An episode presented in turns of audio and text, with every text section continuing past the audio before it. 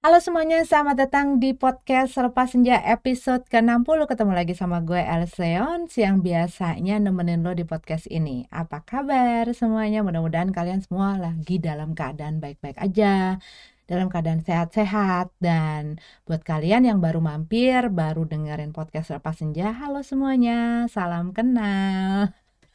Gue tuh banyak banget tuh uh, Dimintain cerita karena kan ada beberapa teman-teman di podcast Lepas Senja yang juga connect sama gue di Instagram Alice Leons, uh, Instagram pribadi gue. Dan gue tuh mulai sering uh, belakangan-belakangan ini tuh mulai sering sebenarnya nggak belakangan sih, gue mulai setelah gue mulai perjalanan baru gue, merubah pola hidup gue, yang gue pernah cerita sama lo beberapa podcast sebelumnya, tapi mungkin buat kalian yang belum tahu, gue tuh tahun lalu masuk ke bukannya tahun lalu sih, udah lama. Gue tuh selalu punya masalah dengan berat badan. Nah, udah bertahun-tahun gue itu udah obesitas. Uh, gue tahun lalu itu mencapai berat terberat gue seumur hidup yaitu 120 hampir 121 kilo dan terakhir uh, gue nimbang sekitar sebulan lewat yang lalu itu udah 60 jadi udah separuh badan gue melayang uh, gue sehat kembali gue nggak penyakitan gue nggak harus minum obat-obatan lagi. Gue bisa jogging gue bisa olahraga gue ngerasa lebih muda daripada umur gue yang sekarang gue berada ini di mana gue bulan ini adalah 43 tahun. Yeay Yang penting kan uh, jiwanya, yang penting kan rasanya. Banyak loh gue ngadepin orang-orang semenjak apalagi mereka-mereka yang pengen tahu gue ngapain aja sih di mana mereka tuh sebenarnya masih muda dan jauh lebih muda. Bahkan gue tuh banyak uh, apa ya nerima bukannya nerima ngobrol-ngobrol lah ya uh, sama beberapa keponakan ataupun anak-anak uh, temen gue yang juga punya masalah dengan berat badan yang pengen tahu uh, tante ini ngapain aja sih? Dan begitu gue bilang masalah olahraga, gue ngapain aja, itu mereka banyak yang ciut. Karena, hah?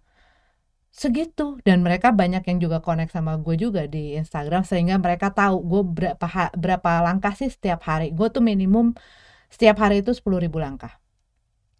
Minimum. Dan itu sekali gue jalanin. Maksudnya bukan yang dalam sehari diakumulasi. Enggak, gue benar-benar yang bangun, gue jalan sampai setidaknya segitu. Dan seringnya bablas. Seringnya gue tuh 15, 17 ribu, 20 ribu, bahkan kadang-kadang 22 ribu karena saking asiknya, saking asiknya jalan sambil dengerin podcast, sambil dengerin webinar, sambil dengerin dokter-dokter ngasih ceramah, ngasih lecture, uh, itu gue sambil dengerin hal-hal tersebut di mana itu juga gue sering kasih gitu ya. Kan soalnya banyak yang nanya, gila lo pop, jalan sekian panjang, lu ngapain aja nggak bosen? Gue biasanya dengerin banyak hal, banyak hal lah yang gue dengerin. Gak juga cuman masalah teori-teori masalah diet, kesehatan juga. Gue juga dengerin hal-hal yang menguatkan, menguatkan mental gue, yang bikin gue terus jalan, yang bikin gue terus semangat, yang bikin gue terus ada di jalan ini dan gak jatuh-jatuh lagi. Dan itu pastinya gue dengerin podcast-podcast yang uh, di mana orang ngasih ataupun nge-share cerita hidupnya dia uh, saat dia melakukan satu perubahan, saat dia harus fight dengan uh, hal yang membuat dia punya masalah atau membuat dia jatuh atau membuat dia dalam dalam satu kesulitan dan dalam satu keterpurukan. Gimana caranya? Nah itu yang gue sering banyak denger. Hal-hal yang menutrisi kepala gue menutrisi apa ya batin ya rohania rohania batin ya. Perasaan-perasaan gue. Karena um, waktu itu dalam hal lain mungkin gue bisa jadi fighter. Dalam masalah hidup gue bisa kuat. Dalam masalah misalnya kerjaan gue bisa kuat. Gue bisa punya keyakinan gue bisa punya drive gue punya willpower dan lain sebagainya. Tetapi begitu ini menyangkut masalah mengenai makanan, itu gue lemah banget. Lemah gue tau gak?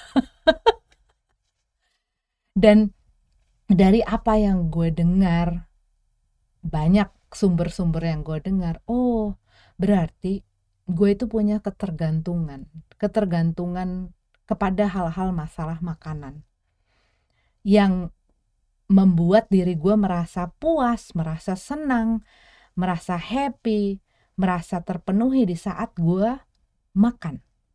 Dan kadang-kadang orang nggak melihat itu sebagai satu ketergantungan. Cuman kalau lo sudah mulai masuk ke dalam satu masalah, di sini adalah masalah kesehatan. Gue udah masuk ke dalam uh, masalah obesitas, gue udah punya masalah dengan gula darah, gue udah masalah dengan kolesterol, gue udah apa ya gerak tubuh gue, ketahanan tubuh gue, imunitas gue dan lain sebagainya sudah terancam. Gue hampir stroke. Gue udah macem-macem lah, udah udah segala rupa deh itu yang namanya penyakit dan keluhan di dalam badan gue. Dan gue tetap membutuhkan itu sebagai pemuas gue. Itu udah bukan satu hal yang biasa lagi. Dan di situ gue harus melihat kenyataan, oh iya, gue punya ketergantungan. Ketergantungan di mana gue pengen makan dan gue ngerasa harus makan. Supaya gue happy supaya gue bisa uh, fokus supaya gue bisa semangat supaya mood gue bagus dan lain sebagainya. Itu yang yang selalu gue pakai untuk uh, apa ya jadi excuse untuk gue bisa makan makan makan makan makan tanpa memperdulikan kesehatan gue tanpa memperdulikan bentuk badan gue Buat beberapa orang mungkin cintailah dirimu apa adanya, sebesar apa pun, sekecil apa pun. Dulu gue punya pikiran seperti itu. Dan itu nggak membuat gue sehat, itu membuat gue makin sakit. Malah yang tadinya gue nggak punya penyakit jadi penyakitan. Gara-gara gue mempunyai cara pikir itu. Jadi memang sebelum kita ngelakuin hal tersebut tuh cuman ini bisa di dalam bidang apa aja loh. Waktu kita mau ngadain perubahan di dalam hidup kita ataupun hal yang kita lakukan di mana kita udah mulai dapat warning-warning bahwa hal itu udah nggak bener. Hal itu udah tidak berfungsi. Hal itu udah bikin lo masuk ke dalam masalah ataupun memperburuk satu keadaan. Kitanya harus jujur ngelihat kenyataan ngelihat kenyataan bahwa ada masalah di sini karena banyak orang yang tidak mau melihat itu. Makanya akhirnya dia membiarkan satu situasi dan kondisi yang sebenarnya sudah tidak baik diterusin sehingga makin gak baik dan makin runyam pada akhirnya. Nah, banyak orang nanyain gue, cerita dong, uh, teman-teman podcast lepas cerita dong, gue perjalanannya gimana. Gue emang uh, pernah cerita tetapi cerita gue gue kompakin lagi berikut dengan hal-hal yang gue lakukan. Itu gue memang bikin channel khusus video khusus di channel yang namanya Poppy Pang karena kan gue panggilannya Poppy. Nama gue Elis tapi dipanggilnya Poppy Pang itu adalah pangaribuan itu adalah marga gue gue sengaja bikin channel itu karena di situ adalah di mana gue bercerita seputar itu saja. Ya seputar hal-hal tersebut dan kan nggak semua orang di podcast ini yang memang pengen tahu masalah itu.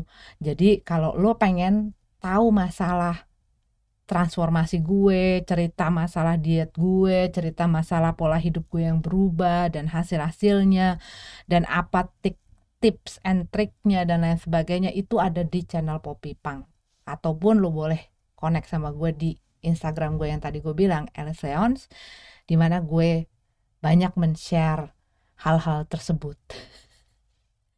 Cuman ya gue pas begitu awal-awalnya kan gue nggak pernah yang namanya nonjolin apa no bukan nonjolin tetapi memperlihatkan perubahannya ataupun uh, hasilnya seperti apa. Gue cuman sering dulu misalnya posting oh gue masak. Terus uh, hashtagnya keto ataupun hashtagnya low carbs low sugar diet uh, hashtagnya intermittent fasting. Ataupun gue memposting berapa ribu langkah gue setiap hari gue posting. Itu bukan buat orang lain tetapi adalah buat diri gue pribadi. Itu adalah track gue gue bisa ngeliat itu dan gue bisa wah sejauh ini gue setelah berjalan sejauh ini gue sudah menjalani si uh, journey gue ini. Dan beberapa bulan terakhir memang gue lebih lebih banyak gitu ya, lebih lebih bukan lebih agresif tetapi lebih banyak lagi ke masalah itu karena banyak teman-teman gue yang mulai datang ke gue cerita saudara bahkan dikenalin dikenalin dikenalin akhirnya connect sama gue gitu ya yang punya masalah-masalah yang kurang lebih serupa. Mungkin penyakitnya nggak sama tetapi masalah uh, berat badan kelebihan berat lah hal-hal yang semacam itu. Di mana kan pas zaman pandemi orang jadi males ngapa-ngapain di rumah aja nggak ada aktivitas kegiatannya duduk selonjoran duduk selonjoran uh, jajan terus makan terus nyobain makanan ini masak ini dan lain sebagainya. Dan akhirnya mereka menambah bobotnya. Nah itu tuh yang banyak jadi masalah. Dan itu bukan cuma satu dua orang. Banyak banget banyak banget. Um, biasanya kalau gue udah ngobrol ya udah ngobrol terus mereka tahu gue tuh ngapain aja sih uh, gue ngelakuin apa aja sih ada yang langsung mundur teratur ada yang juga pengen tahu pengen tahu pengen tahu lebih banyak ada yang pengen tahu tapi mungkin belum merasa tepat waktunya untuk ngelakuin hal tersebut. Jadi makanya gue bikin si channel itu khusus untuk orang-orang yang emang pengen tahu secara garis besar ataupun secara lengkap mengenai gue tuh ngapain aja. Baru kalau misalnya mereka nggak jelas ataupun ada yang mau ditanyain, tanya lagi sama gue. Bolak-balik, bolak-balik jelasin itu kan agak-agak gimana gitu ya bosen juga capek juga karena kadang-kadang ada orang yang sama yang bertanya berkali-kali jadi gue sekarang kalau misalnya itu coba aja dicek di video itu ada kok. Nah ada orang-orang yang walaupun udah dibikinin video dan ini ada di circle gue juga gitu ya. Maksudnya ada di di di dalam uh, list pertemanan gue yang nonton aja males. Nonton aja males. Nonton video gue yang nggak nyampe sejam 30 berapa menit gitu ya itu aja males dan gue bilang kalau lo uh, untuk menyediakan waktu setengah jam bahkan mungkin satu jam lo nggak mau apalagi lo menyediakan waktu buat diri lo untuk melakukan perjalanan ini. Karena perjalanan ini selalu gue tekankan sama orang yang tanya sama gue susah nggak sih pop? Susah gue nggak pernah yang enggak gampang kok kamu pasti bisa. Ini mudah kok. Yang penting kamu ini yang penting kamu itu. Enggak gue gue bukan bukan bukan orang yang suka ngempok-ngempok. Karena selama setahun kurang ini gue itu mencambuk diri gue tiap hari. Ngelawan diri gue itu tiap hari. Ngelawan males gue itu tiap hari. Keinginan gue buat makan itu tiap hari sampai gue akhirnya bisa lebih kuat dari hal-hal yang mengontrol gue itu dan kalau kita nggak bener-bener pengen kita nggak bener-bener mau cuman setengah-setengah ataupun cuman tertarik aja ya pastinya nggak akan mau memberikan usaha dan upaya tenaga waktu itu yang dibutuhkan itu besar sekali. Ngilangin 60 kilo itu nggak mudah. Nggak usah gitu. Gue aja bilang, ngurangin 5 kilo aja tidak mudah. 5 kilo fat itu kalau lu pernah ngeliat coba deh search 2 kilo fat aja lu bisa coba lihat berapa kira-kira besarnya gue ya waktu awal-awal gue sempet nih ya seminggu ini cuman turun 2 kilo waktu itu gue beli apel. 2 kiloan. Dan gue ngeliat apel 2 kilo itu sebanyak itu ya. Dan gue coba bawa apel itu ke parkiran kan. Berat ya. Berarti gue udah kehilangan segini banyak. Wow. Di situ pikiran cara pikir gue tuh mulai berubah mulai berubah mulai berubah mulai berubah. Cara gue ngelihat oh iya ya nggak semudah itu nggak segampang itu. Dan hal yang gue pikir kecil hal yang gue pikir nggak seberapa itu ternyata kalau lu ngelihat dari angle yang lain itu nggak sama gitu loh. Dan kadang-kadang ada orang-orang yang ya kalau misalnya cuma sebulan turun cuma 4 kilo uh, kurang. Gue tuh cuman yang hmm, cobain aja cobain. Dan orang tuh banyak yang yang aimnya tuh ke pengen turun 20 kilo pengen turun 10 kilo pengen turun 30 kilo. Kalau gue waktu itu gue tuh cuman berharap gue bisa lepas dari obat-obatan yang gue harus minum tiap hari. Gue bisa sehat kembali. Gue nggak perlu ngerasain sakit-sakit di badan gue. Gue nggak perlu ngerasain pusing setiap hari. Gue nggak perlu ngerasain sakit gigi tiap hari. Gue mata gue nggak perlu berair-air terus setiap hari. Dan keluhan lainnya yang gue rasakan yang menyebabkan gue itu tergantung dengan obat dokter. Gue nggak pengen kayak begitu. Gue nggak pengen gue nggak pengen ngerasain seperti itu dan gue ya pengen untuk yang namanya mempunyai badan yang uh, yang bukannya kurus ya. Karena gue tuh nggak waktu saat itu ekspektasi gue itu nggak bahkan nggak sebegini gitu loh. Bahkan 70-80 kilo pun buat gue tuh terlalu jauh. Gue cuma punya pikiran kalau bisa gue nggak lebih dari 100 kilo. Gue bisa di bawah 100 kilo itu udah udah seneng banget pasti gue dan ternyata gue bisa sampai 60 kilo ya karena cara pikir gue udah mulai berubah dari yang melihat hal itu mungkin A tadinya pelan-pelan mulai ke B yang tadinya gue fokusnya di dalam berat badan, di dalam timbangan, gue mulai berubah fokus gue mulai ke kesehatan. Karena begitu gue mulai ngerasain hasil-hasilnya itu dari kesehatan gue. Eh gue bangun pagi gue nggak perlu yang namanya uh, pemanasan dulu jalan ya. Uh, ataupun pinggang gue nggak perlu. Dulunya gue kalau misalnya bangun dari tempat tidur baru bangun pagi gitu ya. Gue tuh bangun tuh bengkok dulu gitu loh. Nunduk dulu bongkok dulu. Baru gue pelan-pelan bisa tegap. Karena itu tuh untuk negapin tuh sakitnya setengah mati. Dengkul gue sakit, telapak kaki gue sakit, pergelangan kaki gue selalu bengkak. Wah seba, sebadan gue tuh hampir nggak ada yang nggak sakit. Dan begitu gue udah mulai ngerasain rasa-rasa sakit itu mulai pergi satu persatu. Dan semua keluhan gue tuh mulai lepas satu persatu.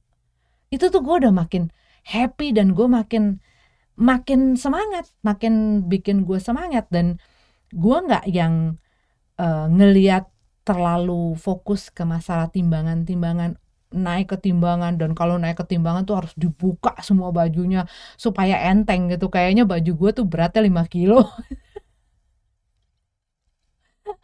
Tapi ya itu yang terjadi itu yang terjadi dan gue nggak malu gitu loh nyeritain itu.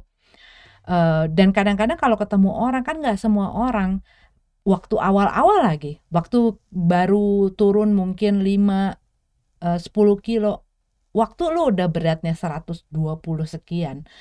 Orang tuh nggak bisa ngelihat perbedaannya waktu lu cuman hilang 5 kilo, 10 kilo tuh nggak bakal bisa ngelihat. Buat mereka ya sama aja. Dan saat mereka tahu gue lagi diet atau gue lagi ada program untuk nurunin berat badan gue, dia diketawain. Apalagi dengan kelakuan gue yang dulu-dulu. Setiap gue turun gue naik lagi. Setiap gue turun gue naik lagi. Turun naik turun naik. Yo yo yo yo. Ya itu kan terjadi beberapa kali. Dan pada awal pertama kali ada orang ngomong ala paling juga balik lagi. Ah paling nanti yoyo lagi. Gue tersinggung tapi habis itu gue mikir tapi mungkin itu yang terjadi. Itu yang gue lakukan. Kenapa gue tersinggung? Itu yang menjadi kenyataan kok gue selalu ngebiarin diri gue membal balik membal balik lagi udah turun bagus-bagus balik lagi ke pola hidup yang lama balik lagi makan, balik lagi ke addiction gue, ketergantungan gue terhadap si makanan ini yang membuat gue merasa happy, yang membuat ngerasa terpuaskan dan jadinya malah gila-gilaan makanan, makannya. Dan itu yang mungkin banyak orang lihat dan itu adalah kenyataan. Gue nggak boleh marah. Memang itu yang terjadi. Dan sekarang bagaimana? Tunggu tunggu. Dan itu yang bikin gue juga jadi inget. Itu adalah salah satu kelemahan gue. Bahwa gue cepet puas. Bahwa gue cepet balik lagi ke pola lama gue. Dan itu yang perlu gue tanganin. Nah kadang-kadang waktu kita tidak mau menyadari ataupun kita nggak mau ngelihat kenyataan kelakuan kita sendiri ngelihat kesalahan ataupun kenyataan mengenai orang lain gitu ya itu lebih gampang daripada kita mau ngelihat kenyataan dan uh, apa yang sesungguhnya kita lakukan. Apalagi kalau misalnya itu sesuatu yang salah gitu. Itu paling agak-agak sulit tuh untuk mengakui kesalahan sendiri kelemahan sendiri uh, burik-buriknya sendiri itu paling paling paling agak-agak susah at least itu buat gue. Jadi waktu itu gue ngerasa itu iya ya. Itu adalah satu kelemahan gue di mana gue cepet puas. Di mana gue cepet nyerah. Di mana cepet balik lagi. Ya itu dari cepet puas itu.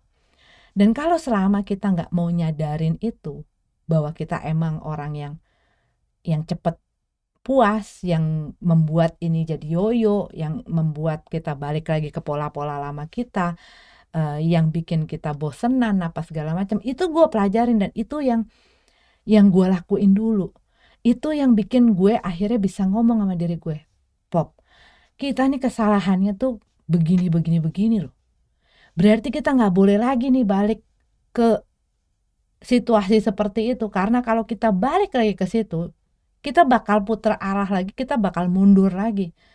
Nggak boleh kita harus bisa mempertahankan hidup sehat kita ya Pop itu yang gue ngomongin sama diri gue gue itu banyak banget mem, apa ya menyi, mem, memberikan atau membuat waktu untuk gue punya waktu ngobrol sama diri gue. Dan emang bener ya katanya David Goggins uh, gue tuh sering denger dia. Dan dia yang bikin gue nggak punya nggak boleh punya mental victim nggak jangan lo punya mental korban karena lo akan selamanya jadi korban di dalam hidup lo dari orang lain, dari diri lo sendiri.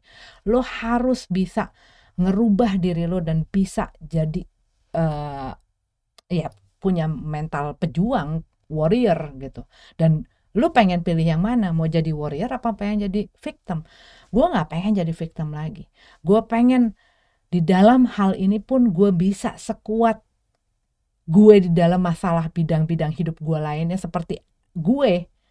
Gue nggak mau ini kelemahan bikin gue jatuh dan segala hal itu jatuh. Iya yang ada kan gue sakit gue nggak bisa kerja. Gue misalnya eh, masalah gue juga mulai terganggu mood terganggu perasaan karena saat lo udah mulai banyak penyakit itu otomatis akan kena ke hal-hal lain. Hal-hal sedikit tuh mulai gampang nyolek lo, mulai gampang. Dan itu yang bikin gue gue nggak suka sama diri gue yang begini deh. Kenapa ya? Gue selalu kok gue sekarang sensitif banget, kok gue sekarang cepet marah, kok gue sekarang susah untuk fokus, gue sekarang kok ya itu hal-hal yang yang nggak terlihat sebenarnya tetapi bisa dirasakan. Nah, itu dia yang akhirnya membuat gue juga gue nggak boleh cuman dari satu sisi itu harus digempur dari segala sisi dari masalah pikiran gue harus bisa ngontrol pikiran gue karena itu yang yang menentukan yang menentukan hari ini goal gue untuk ngelakuin diet gue dan gue ngelakuin olahraga gue dan gue ngelakuin uh, istirahat gue di mana gue harus ngejalanin itu semua itu tercapai. Jadi gue punya goal harian gue punya goal mingguan gue punya goal bulanan.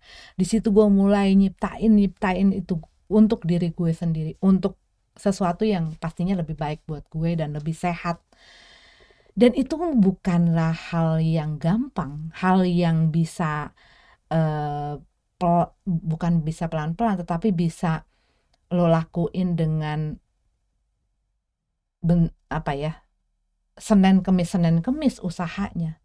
Karena kadang-kadang ada orang yang ya gue pengen uh, ngelakuin ini misalnya dalam beberapa hari terus habis itu gue cheating day habis itu gue nggak olahraga. Gue olahraganya cuma mau berapa kali seminggu. Ya itu tergantung lagi sih. Yang namanya perjalanan ini kan cepet atau enggaknya nyampe itu tergantung lagi sama kitanya sendiri kitanya segigih apa, komitmennya juga kayak apa, kuatnya, disiplinnya kayak apa, itu kembali lagi ke diri kita. Yang nentuin bukan orang lain, yang nentuin juga bukan hal-hal lain di luar diri kita, yang nentuin ya diri kita sendiri. Dan itu yang yang juga berubah dari pola pikir gue karena dulu gue selalu berpikir gue selalu ngandelin yang namanya produk produk diet obat-obatan ramu-ramuan treatment-treatment. Itu yang gue uh, gue menggantungkan ke arah sana. Gue menggantungin diri gue keberhasilan gue itu ke hal-hal itu. Sampai gue denger si dokter Jason yang gue sering denger ini dia bilang lu bisa ngelakuin lu bisa ambil kekuatan lu atas kesehatan lo dengan diri lo sendiri. Asal lo mau. Dan itu yang bikin gue, oh bisa ya. Bisa ya tanpa obat. Selama ini yang gue pikir adalah harus pakai obat. Karena uh, waktu berapa puluh tahun yang lalu. waktu gue dari SMP ke SMA. Gue di situ juga udah obesitas. Gue hampir 100 kilo. Jadi 99 kilo gue di situ. Dan gue dibawa sama nyokap gue ke dokter gizi. Tetapi dokter gizi ini kasih obat. Obat untuk menahan nafsu makan. Dan gue mengkonsumsi obat itu sehingga ya di otak gue itu selalu butuh obat. Ngilangin berat badan itu selalu butuh sesuatu yang gue masukin untuk nahan lapar gue, untuk bikin gue nggak lapar, untuk bikin gue bisa bisa bertahan untuk nggak makan gitu loh. Untuk bisa ngurangin ngilangin lemak dengan buang air misalnya itu juga harus makan obat. Dan itu yang selama ini gue lakuin. Sampai akhirnya si dokter ini tuh dari omongan dan dari pengetahuan yang dia share dia meyakinkan gue bahwa lu nggak perlu obat-obatan ini. Lu bisa asal lu mau ngelatih diri lu lu nya mau apa enggak? Dan dari orang-orang yang men-share cara mereka untuk merubah kehidupan mereka nggak cuma di masalah diet gue tuh denger kalau lu bener-bener pengen sesuatu ini terjadi lu akan ngelakuin segala hal yang lu bisa lakuin untuk mewujudkan hal ini. Tapi kalau lu nggak bener-bener mau untuk ngelakuin ini lu nggak akan mau pasti akan ada alasan pasti lu akan nunda pasti lu akan lemah gitu loh. Keinginan lu, niat lu akan lemah. Dan itu nggak akan bikin apa yang lu pengen itu bisa terjadi. Kalau lu nggak bener-bener mau. Karena kalau lu bener-bener mau dan lu bener-bener punya tekad yang bulat, lu bener-bener punya niat yang besar gitu ya, lo akan ngelakuin apa pun yang lo bisa untuk membuat ini tuh berfungsi. Nah akhirnya gue waktu itu gue bilang sama diri gue oke okay lah kita pokoknya coba. Kali ini jangan sampai kita gagal. Kita harus tahu bagaimana hasilnya kalau kita nggak gagal. Karena selama ini masalah perdietan masalah makan gue tuh udah tahu hasilnya kalau gue gagal dan gue belum tahu kalau gue nggak gagal nah itu yang gue ajak ngomong sama diri gue kita belum tahu hasilnya. Kalau kita misalnya nggak gagal, kalau kita misalnya terus, oke lah caranya bisa beda-beda. Caranya bisa kita adjust. Yang penting kita jalanin, tapi kita nggak boleh mundur. Kalau misalnya ada cara yang memang nggak nggak berfungsi sama diri gue, gue harus cari cara lain, tetapi gue nggak boleh mundur. Gue harus cari cara lain tapi tetap jalan ke goal itu. Gue pengen goal itu adalah gue lepas dari obat-obatan gue.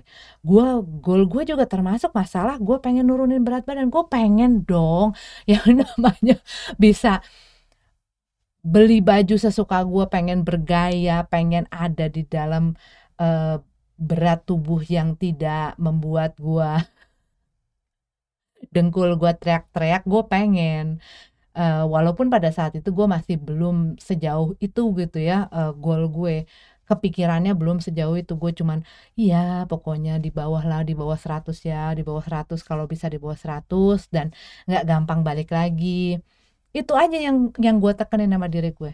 Tapi memang pada saat itu benar-benar karena gue juga sempat hampir stroke waktu itu gue harus benar-benar sehat.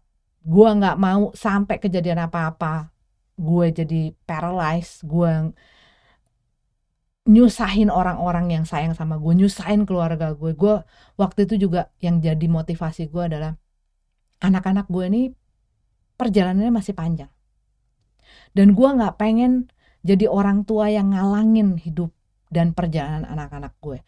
Kalau sampai gue ada masalah dengan kesehatan, kalau sampai dengkul gue nggak bisa lagi ngebawa bobot badan gue, gue bisa ada di kursi roda amit-amit emang baik.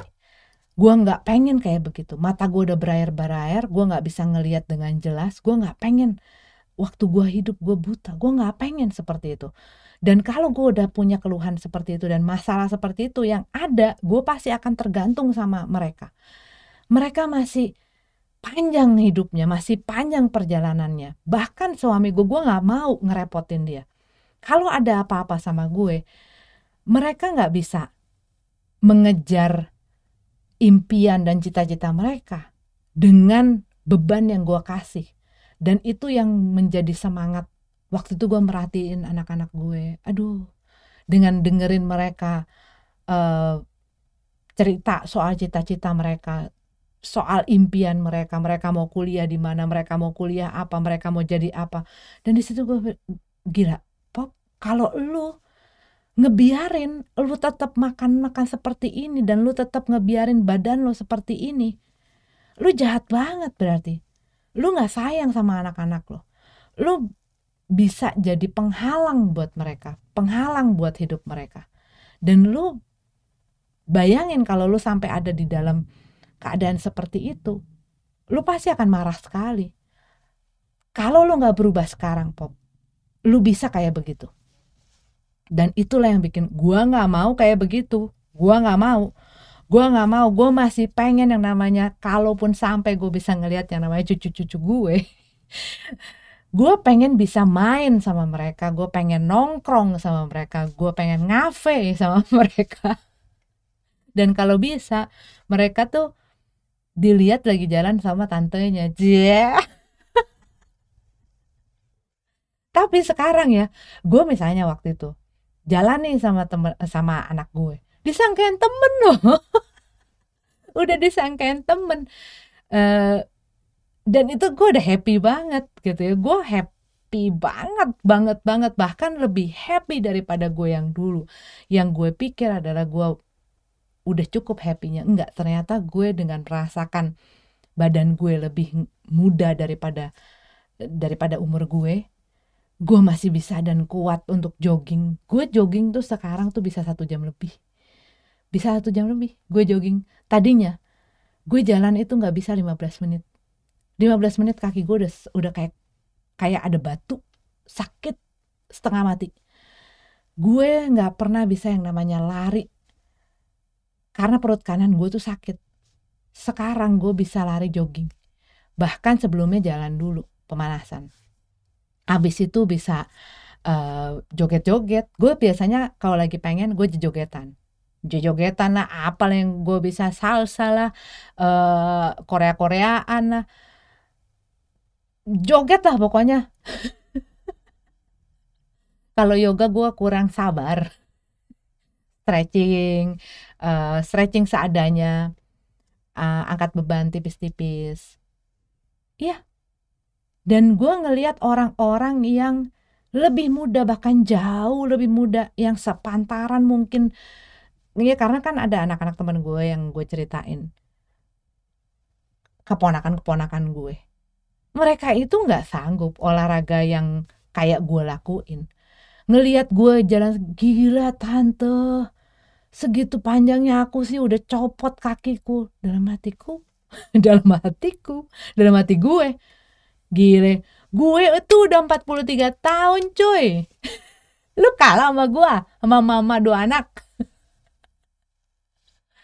Tapi gue harap kalian semua yang lagi dengerin itu bisa ngelakuin. Dan gue yakin lu bisa. Dulu gue nggak bisa. Dan gue dulu mikirnya adalah gue nggak bisa. Gue nggak sanggup. Tulang gue gede makanya gue gemuk. Bentuk badan gue memang sudah didesain jadi gemuk itu yang gue pikirin. Jadi ya nggak apa-apa memang makan aja udah maintenance aja makan kayak begini.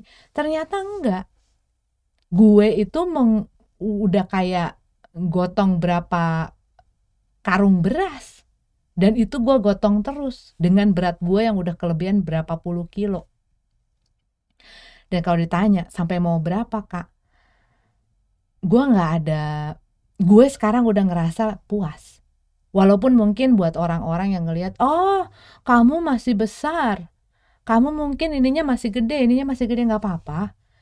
Gue ngerasa gue keadaan gue sekarang dengan penyakit gue yang udah pada terbang itu semua gue udah lepas dari obat-obatan yang udah gue buang gitu. Semuanya.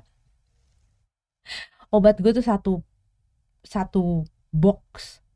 Itu semua banyak banget. Bahkan yang harus gue makan tiap hari.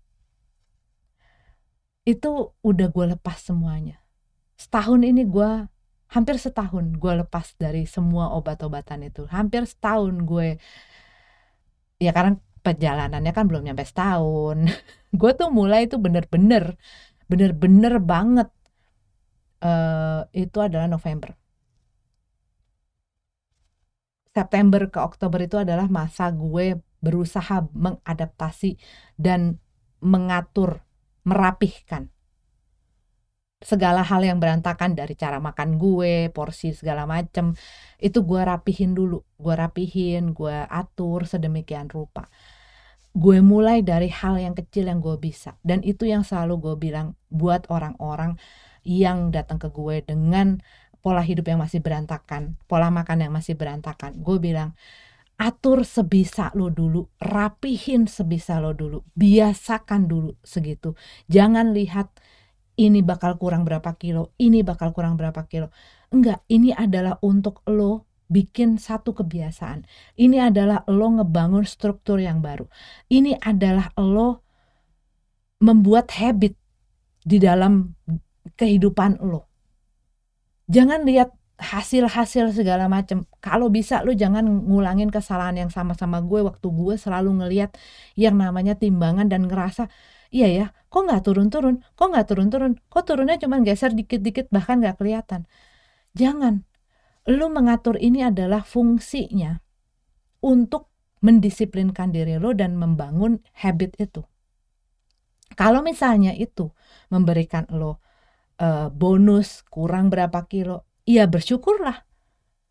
Berarti diet yang lo pakai, lo yang lo jalanin cocok buat badan lo. Waktu itu gue nggak langsung, tapi gue ngerasa oh ya, gue yang penting adalah gue ngerapihin hidup gue dulu.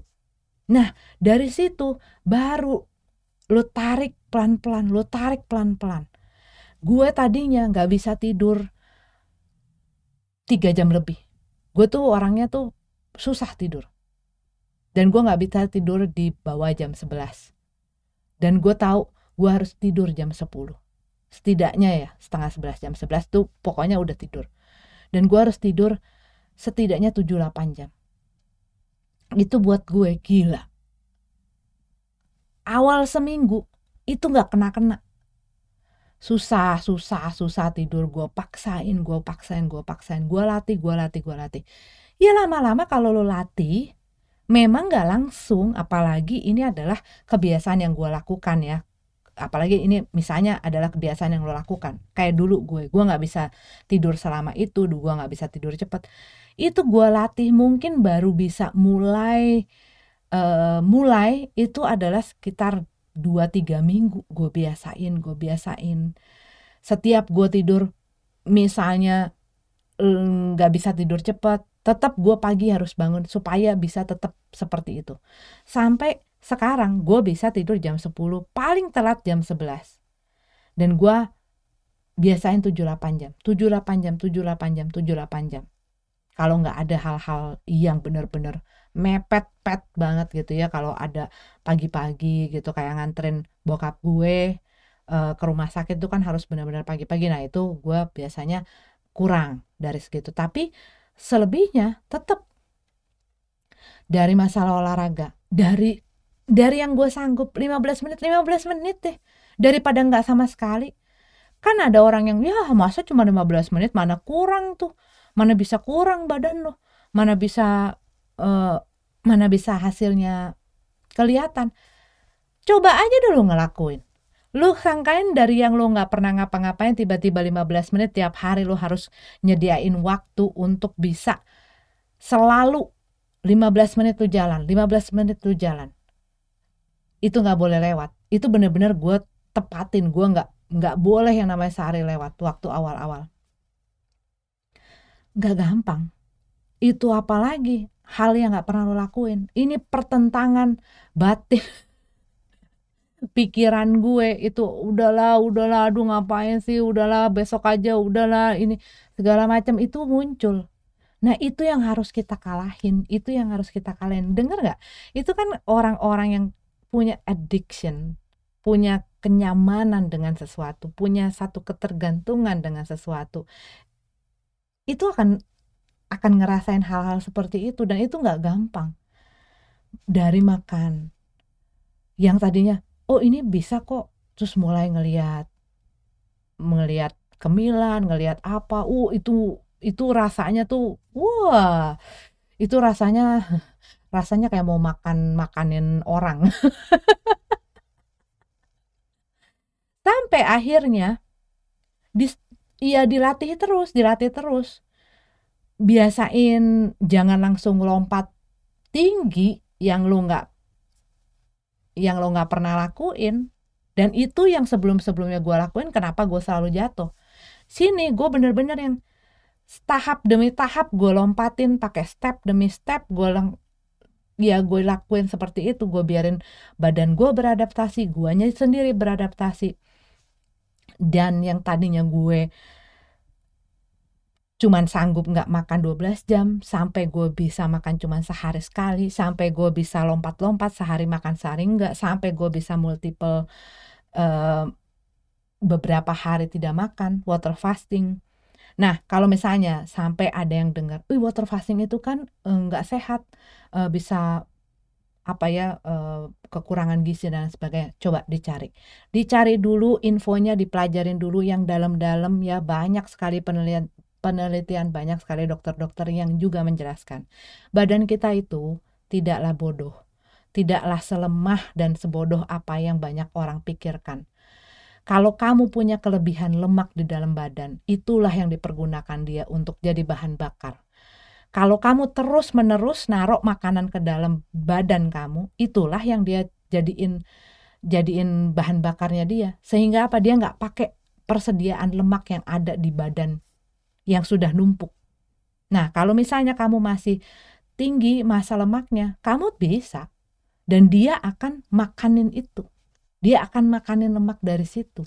Makanya sampai sekarang gue masih tetap, masih tetap yang namanya uh, water fasting kadang-kadang dua hari, kadang-kadang cuman hari Senin sama Kamis, sama Sabtu kalau lagi pengen. Ya tergantung gue sekarang lagi pengen badannya apa. Dan biasanya kalau gue udah makan makan makan uh, badannya pengen sendiri karena udah menikmati. Rasanya yang namanya puasa itu nikmat sekali udah buat gue. Tapi waktu baru pertama kali ngejalanin nggak cuman puasanya masalah low carbsnya itu juga waktu awal kali kan ada yang namanya keto flu. Kita ngejalanin yang namanya itu itu nggak enak. Sampai sampai gue yang wah itu udah kayak penderitaan banget gitu loh. Cuman kalau kitanya gampang nyerah nyoba ini wah nggak ada hasilnya nyerah. Nyoba ini nggak ada hasilnya. Gue waktu itu gue mencoba untuk ngejalanin um, gue milih low carbs karena yang gue lihat dari keluhan dan penyakit gue dan dari dokter info-info dan pengetahuan yang gue dapetin dari dokter-dokter yang gue sering dengar gue harus ada hal-hal yang perlu gue hindari. Terutama masalah sugar dan masalah karbohidrat. Kalau kalian nggak ada masalah di situ ya itu tergantung lagi. Kan tadi gue udah bilang si puasa ini bisa disandingkan dengan diet apa saja. Tergantung dietnya apa karena puasa ini berbeda dengan itu puasa ini kapan lo makan kapan lo nggak makan diet ini adalah apa yang lo konsumsi bagaimana cara pengolahan bagaimana cara lo makan gitu loh itu yang gue pelajarin jadi yang gue butuhkan pada saat itu adalah gue butuh untuk mengkat beberapa jenis makanan yang menimbulkan respon insulin di badan gue. Nah, itu gue mengambil cara low carbs. Jadi, ya itu yang gue jalanin orang-orang mungkin ada yang cocok lain gitu loh. Cuman yang selalu gue tekenin tuh sebenarnya ke lebih ke intermittent fastingnya.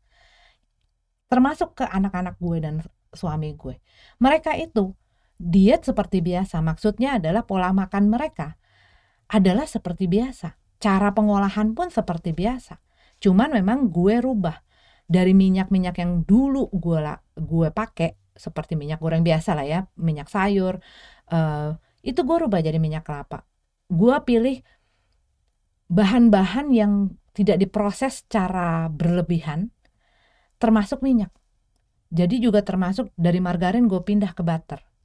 Gulanya gue selalu sedia dua ya karena kan yang diet itu adalah gue yang yang komit itu adalah gue dan ini adalah gue yang mengenai diri gue dan gue. Gue nggak pernah maksa mereka untuk ikutan sesuatu yang menjadi pilihan gue ataupun sesuatu yang menjadi komitmen gue. Gue bebasin. Cuman gue sediain ini ada gula uh, gula pasir di mana gue nggak ngambil ini karena apa gue ceritain mereka dan di sini ada gula yang memang kalau misalnya gue lagi pengen atau gue lagi butuh untuk bikin kue ataupun cookies untuk gue gue pakai itu nah ini adalah gula-gula yang glycemic indexnya rendah kenapa gue pakai ini nah gue ceritain juga jadi mereka kembali lagi pilihannya ada di mereka.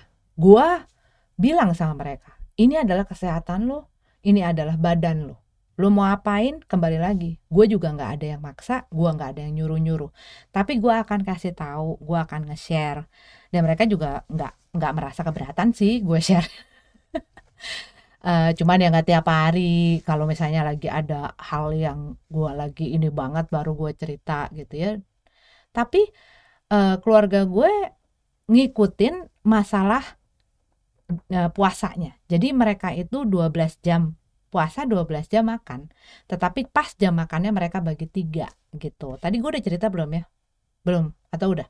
Ya udahlah pokoknya gue ceritain lagi. Mereka bagi tiga mereka nggak ngemil di hari-hari biasa tapi kalau misalnya kayak weekend mereka pengen dong mah uh, beli chips gitu ya atau enggak uh, beli kemilan ya nggak apa-apa. Kan gue nggak pernah nyuruh lu maksa-maksa lo untuk niat juga. Tapi memang anak gue yang kecil itu memang dulu sama kayak gue juga gede gitu ya. Dan tingginya juga kan dia dengan bentuk tubuhnya yang begitu walaupun orang bilang nggak apa-apa lah itu masih dalam uh, masa pertumbuhan dalam hati gue kalau kalau gue biarin dia akan jadi kayak gue. Dan gue cerita gue cerita sama dia kenapa gue bisa seperti ini. Dan dia uh, coba gitu ya dia coba terus dia ngomong gini um, aku ngikutin jam makannya aja aku coba aku nggak nggak ngemil ah dia bilang gitu kan. Um, tapi aku makan. Aku makan kayak biasa nggak apa-apa kan mah nggak apa-apa juga. Coba aja ikutin jam makannya. Karena waktu itu juga gue belum begitu tahu masalah puasa. Tetapi ternyata dia ngikutin jam makannya aja. Dengan makanan yang masih ada nasinya. Tapi masalah kemilan itu yang dia benar-benar enggak, kalau hari biasa dia enggak. Weekend dia makan gitu. Itu aja dia turun banyak banget. Lu kalau ngeliat perubahan dia itu luar biasa kalau gue bilang. Perubahan dia itu mungkin ya dengan dengan umuran yang segini ya.